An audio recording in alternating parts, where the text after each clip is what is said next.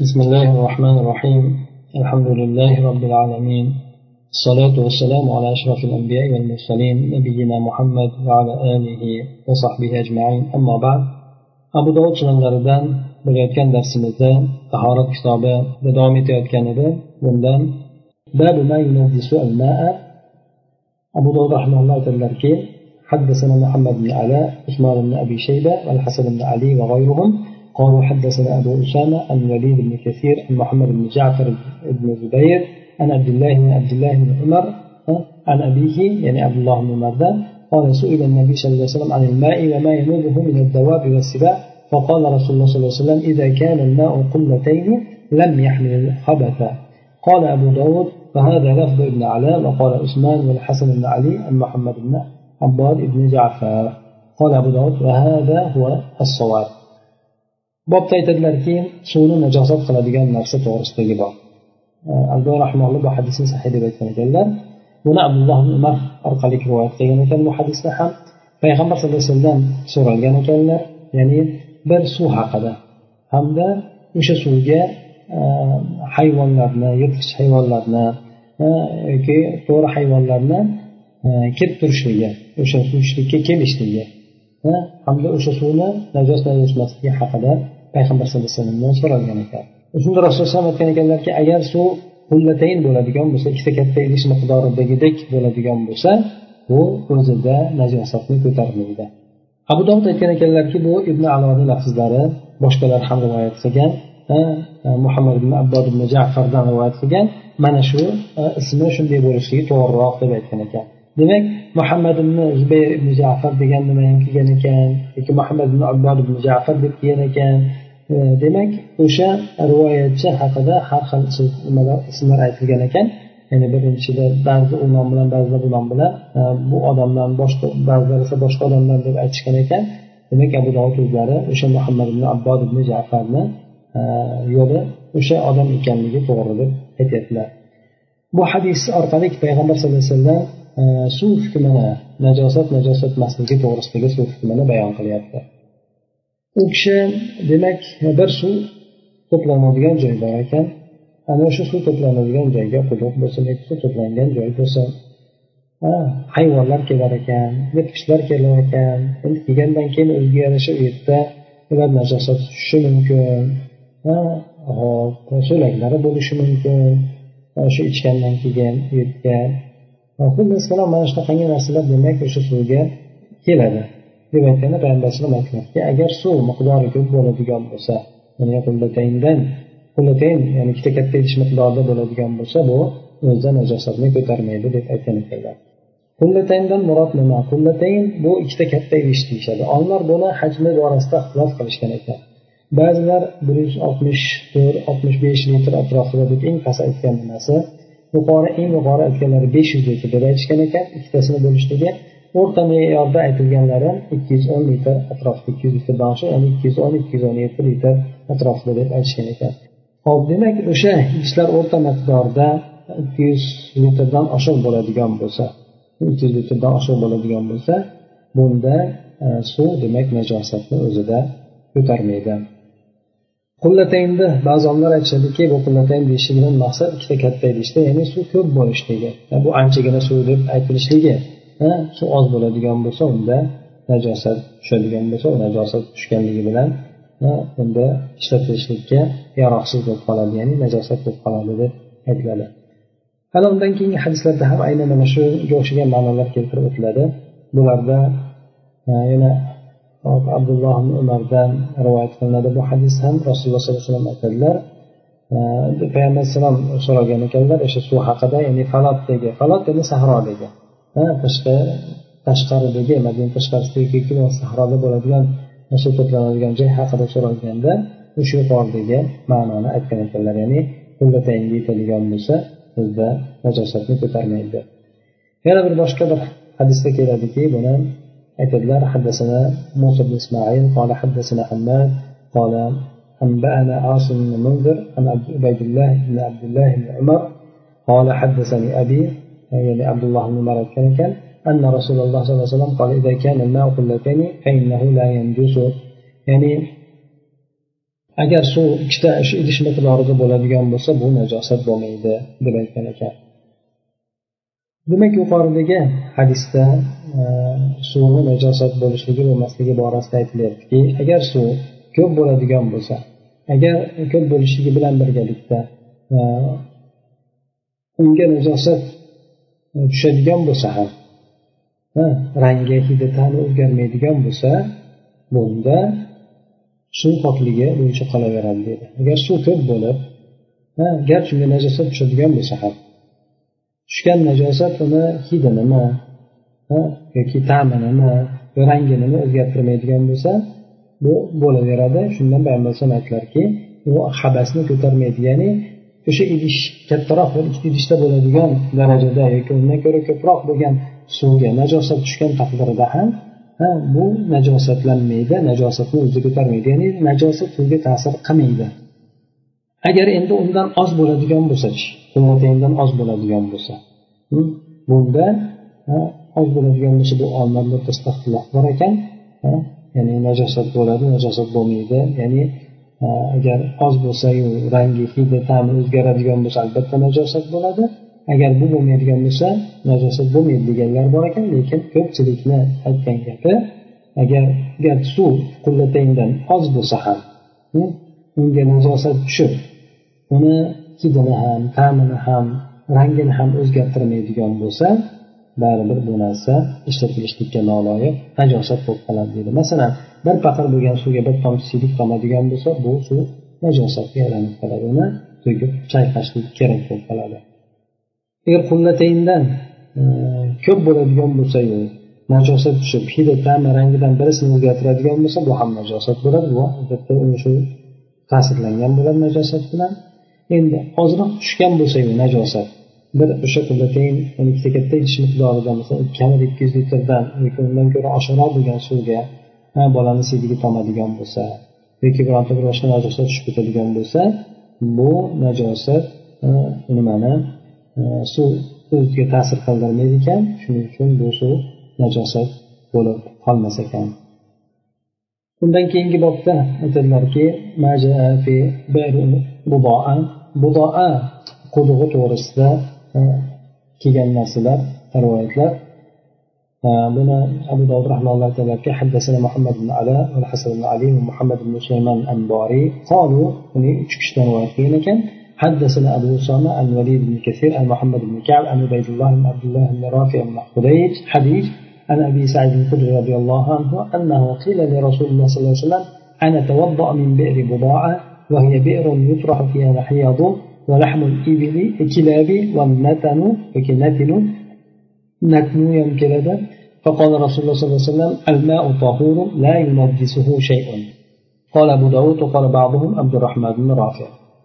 undan keyingi hadislar ham aynan shu mazmunga keladi ularni ham o'qib o'tamiz bir yo'la hop قال أبو داود رحمه الله حدثنا أحمد بن أبي شعيب وعبد العزيز بن يحيى الحرانيان كلاسيام حراني كان.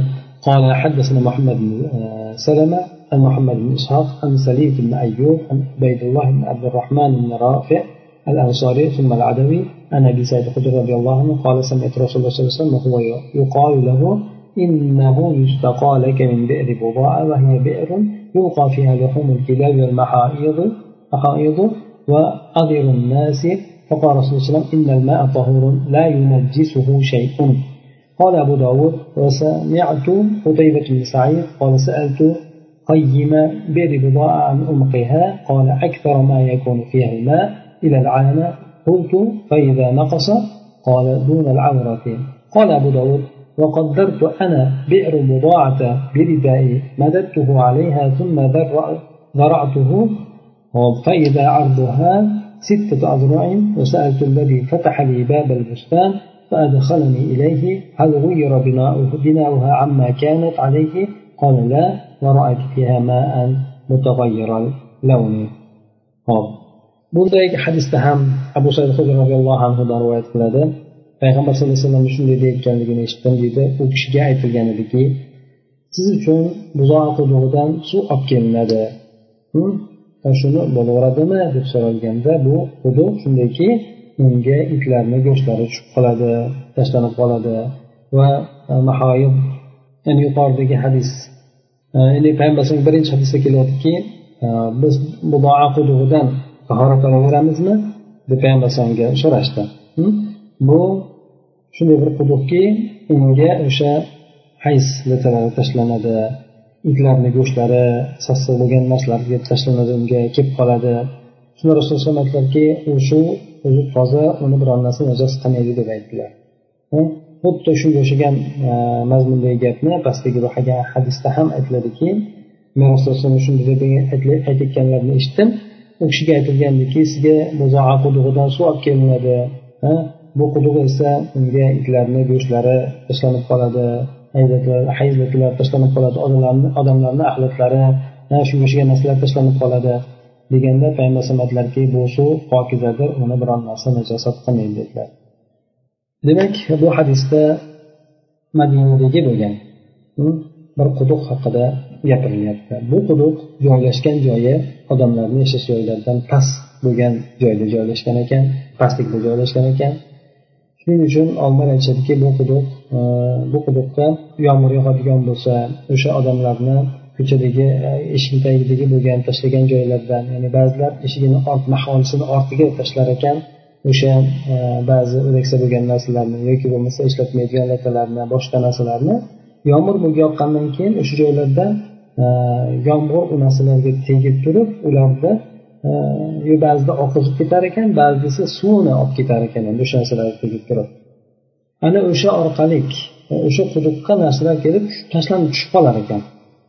Ana o'shanday hududdan sizga e, tahorat qilsak bo'laveradimi? Birinchisida aytildi ikkinchisida sizga ham o'shandan suv kelinar ekan ichgani ham yoki bo'lmasa o'sha tahorat qilgani e, bu najosat emasmi? Bu bo'laveradimi? deb payg'ambarimiz so'ralganda bu kishi bu yerdagi suv aslida pokdir uni biron narsa najos qilmaydi deb aytganlar. O'sha bu budoa qudug'i to'g'risida aytilgan o'sha budoa qudug'idagi suv toza unga bu narsalarni kelishlikdan keyin aytib o'tilgandek mana pastda ham keltirib o'tadi. Buni hajmi kattaroq bo'lgan abu dovud aytadilarki e, men qutaybat ibn saiddan eshitdim ya'ni ustozlardan shayxlardan eshitgan ekan. Hop o'sha budoa qudug'iga qarab turgan odamdan so'radim uni chuqurligi haqida so'radim dedi.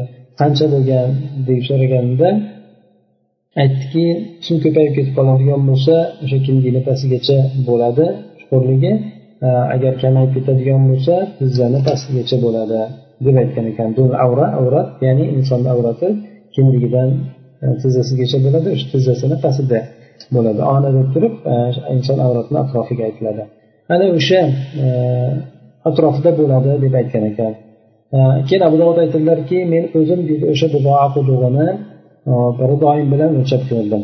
Choponim bilan o'lchab ko'rdim uni ustiga bunday uzun qilib cho'rdim so'ng uni ziroladim deydi ya'ni zironi bilasizlar yelkadan yelkadan barmoqni uchigacha bo'lgan joy taxminan oltmish yetti yetmish santimetr atrofida keladi endi. Hop qarasam deydi o'sha olti ziro keldi deydi o'lchasam olti ziro keldi deydi bu endi eni bo'yi endi. Olti zirosi taxminan e, to'rt metr atrofida bo'ladi. Hop men o'sha bog'ni eshigini ochib meni kirgizgan odamdan so'radim buni binosi o'sha quduqni binosi avval bo'lgandan o'zgartirilganmi ya'ni payg'ambar davridagi bo'yicha turibdimi yoki uni binosi o'zgartirib kengaytirilgan yoki shunaqa bo'lganmi? deb so'ragandim deydi yo'q hech narsa bo'lmagan o'sha bo'yi turibdi deb aytgan men e, abu aytadilarki unda rangi o'zgarib ketgan suvni ko'rdim dedi. Ho'p bitta rangi o'zgarib ketgan suvni ko'rishligi najosat bilan emas balki olimlar aytishadiki bu suvni uzoq turishligi bilan ba'zi ko'karib ketishligi o'sha ham aytiladi deydi. Yuqorida demak bu e, budoa qudug'i haqida aytilgan e, rivoyatda bu quduq suvi qullatayndan ziyodadir. Ya'ni e, ikki yuz litrdan bor yana besh yuz litrdan ham ko'p hisoblanadi. Sababi joy to'rt metrga to'rt metr bo'lsa ana ba'zi paytlarda bir metrgacha borar ekan. Salkam ba'zi paytlarda yarim metr undan ko'ra ziyodaroq ekan. Chuqurligi demak unga anchagina e, suv ketadi endi ana shuning bo'lganligi uchun bu yerdagi suvni ko'p bo'lganligidan unga najosat ta'sir qilmaydi. Modomiki u rangi hidi yoki ta'mini o'zgartirmaydigan bo'lsa payg'ambar alayhisalom ayni shu narsani aytdilar. Demak qullatayndan ko'p bo'ladigan bo'lsa suv agar u rangi hidi ta'mini o'zgartirmaydigan bo'lsa bu o'zida najosatni ko'tarmaydi. Ya'ni najosat u suvga ta'sir qilmaydi deb aytganlar. Mana shundan demak shu hukm kelib chiqadiki suv agar bir hovuz bo'ladigan bo'lsa unga najosat tushib ketgan taqdirda ham bu najosat uni hidini rangini ta'mini o'zgartirmaydigan bo'lsa shu najosat bilan ta'sirlanmas ekan u pokligini saqlab qolar ekan. Agar shu ozgina bo'ladigan bo'lsa qullatayndan ozgina bo'ladigan bo'lsa unga najosat tushadigan bo'lsa garchi rangi hidi ta'midan birontasini o'zgartirmaydigan bo'lsa ham unda najosat bo'lib qolar ekan. U iste'molga noloyiq bo'lib qoladi. Agar qullatayn bo'lib yoki undan ziyoda bo'lib turib hech bir narsasi o'zgarmasa ham pok yo'qolar ekan lekin o'zgaradigan bo'lsa bu najosat hisoblanar ekan. Biz hanafiy mazhabida o'sha quduqni aytadiki ya'ni suv shunday bir hovuzda bo'ladigan bo'lsa najosatni ko'tarmaydi deydi. Agar suvni oladigan bo'lsang tagi ko'rinmaydigan bo'lsa deydi. Hovuchlab olsang tagi ko'rinmaydigan bo'lsa. Ya'ni bunday olganingda qo'ling o'sha tagidan suvni olmasdan uni ham pastida joy qoladigan bo'lsa. Ya'ni boring mana shu yarim metr atrofida yoki qirq santimetr kamida atrofida bo'ladi hamda suvni bir tomonidan oladigan bo'lsang narigi chekkasi suvda qimillamaydigan bo'lsa deydi. Ya'ni bu tomonni chaqillasang nari tomoni qimillamaydigan bo'lsa o'shancha bo'lgan miqdordagi hovlida najosatni ko'tarmaydi deb aytishgan endi mana qudug'ini olib ko'radigan bo'lsak bu yerda taxminan uch to'rt metrga to'rt metr bittasi bir yarim metr atrofidagi e, chuqurlikdagi bo'lgan e, suv ekan endi nimada bo'ladigan bo'lsa qullatayn deb aytiladi. Qullataynda o'sha ikki yuz litrdan osh ikki yuz o'n litrlardan oshiq bo'lgan e, suvni aytilar ekan. yana undan keyingi hadis ham o'sha suvga bog'liq bo'lgan hop abu dovud rahmaulloh buni ham aytadilarki حدثنا مسدد قال حد أبو الأحوص قال حدثنا سماك عن كريمة عن ابن عباس قال اغتسل بعض أزواج النبي صلى الله عليه وسلم في جفنة فجاء النبي صلى الله عليه وسلم ليتوضأ منها أو يغتسل فقالت له يا رسول الله إني كنت جنبا فقال رسول الله إن الماء لا يجلب bu suv junub bo'lmaydi ya'ni begona bo'lib qolmaydi degan mazmundagi hadis buni payg'ambar sallallohu alayhi vasallamdan ibn abbos abdulloh ibn abbos roziyallohu anhu rivoyat qilgan ekan. Ya'ni payg'ambar alayhisalomni ayollaridan birlari ya'ni maymuna onamiz bir tog'orada e, yuvingan ekanlar tog'oradan suv olib yuvingan ekanlar.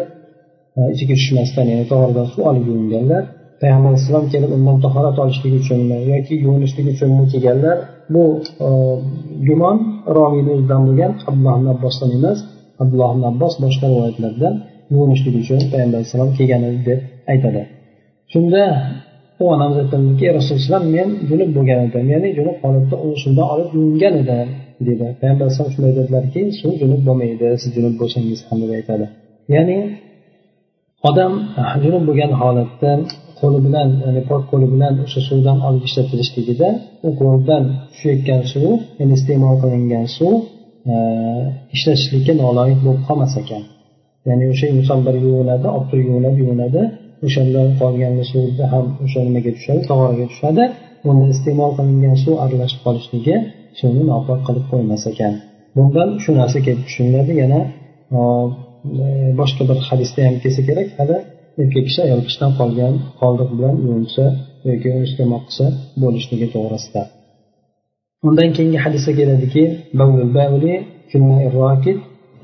ya'ni oqmasdan turgan suvga bavl qilishlik bobi to'g'risida bu yerda ikki hadisni keltirib o'tar ekan abu dovud aytadilarki haddasana ahmad ibn yunus قال حدثنا زائدة زائدا في حديث هشام عن محمد عن ابي هريره عن النبي صلى الله عليه وسلم قال لا يبولن احدكم في الماء الدائم ثم يغتسل منه undan keyingi hadisda yana abu hurayra roziyallohu anhudan ekan unda aytadilarki rasululloh alayhi لا يبولن أحدكم في الماء الدائم ولا يغتسل فيه من الجنابة Hm, demak payg'ambar alayhissalom bu yerda qaytaryaptilar. Ya'ni birontalaringiz doim oqmaydigan suvda ya'ni ozroq bo'lgan oqmaydigan suvda bovul qilmasin. So'ng undan kelib yuvilmasin dedi. Ya'ni ikkita narsani payg'ambar alayhisalom qaytaryaptilar. Ya'ni bovul qilib turib orqasidan kelib o'sha joyda yuvinmasin. Ya'ni ham bovul qilib ham bir joyda yuvinishidan payg'ambar alayhissalom qaytaryaptilar bu hadisda. Ya'ni buni tushunishlik ikkalasini jamlashlikdan payg'ambar alayhissalom o'sha oqmay turgan suvda shu narsani jamlashidan bu hadisda qaytaryaptilar. Ikkinchi hadisda esa payg'ambar alayhissalom ikkalasidan alohida suratda qaytaryaptilar. Ya'ni birontalaringiz doim turgan oqmaydigan suvga bavul qilmasin. Hamda unda janobatdan junublik holatda yuvinmasin o'shaga tushib olib turib deb aytganlar. Doim bo'lib turgan ya'ni oqmasdan doim turadigan suv agar oz bo'ladigan bo'lsa unga bavul qilishlikdan qaytarilgan chunki bu narsa najosat qilib qo'yadi suvni. Unga tushib yuvinishlikdan ham qaytarganlar chunki bu narsa suvni e, noloyiq holatga keltirib qo'yadi iste'mol qilinmaydigan darajaga keltirib qo'yadi. Hop endi agar suv ko'p bo'ladigan bo'lsa hovuz katta bo'ladigan bo'lsa o'shanda ham oqmaydigan suvga bavul qilishlik bu narsa haromligi uchun emas lekin insonlar yaxshi yomon ko'rganligi uchun bu narsa yaxshi amal bo'lmaganligi uchun bundan ham qaytariladi. Shunday bunday lekin cho'miladigan bo'lsa bunda bo'laveradi. Agar oqmaydigan bo'lsa ham garchi mana basseynlarga o'xshagan katta bir bo'ladigan suv bo'ladigan bo'lsa unda cho'milsa bo'laveradi. Lekin ozgina suv bo'ladigan bo'lsa bunda cho'miladigan bo'lsa shuol cho'miladigan bo'lsa bo'lmaydi. Unga davo qilishlik ikkala holatda ham bo'lmaydi. Birisida suvni najosatga aylantirib qo'yishligi ikkinchisida esa suvni tozaligiga yetkazishligi sababli davo qilishlikdan qaytariladi.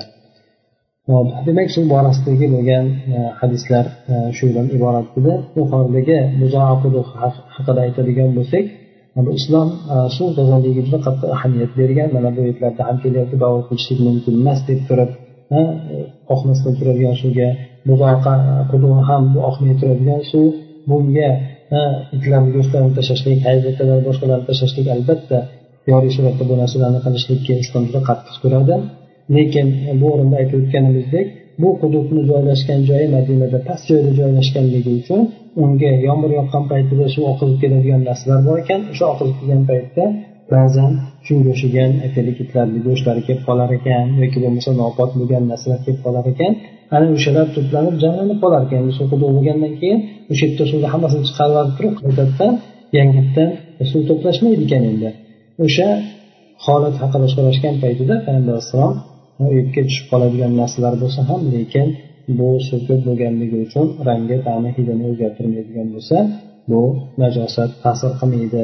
Suv poklik holatda qolaveradi degan mazmunda javob qilgan ekanlar. Demak bundan o'ylanib qolmaslik kerakki odamlar unishiga shu narsalarni olib kelib tashlaydi ekan degan mazmun. Chunki bu mutlaq suratda e, mumkin emas bo'lgan narsa. Chunki e, mana bu yerda payg'ambar alayhissalom bu narsalarni cho'milishidan qaytaryapti.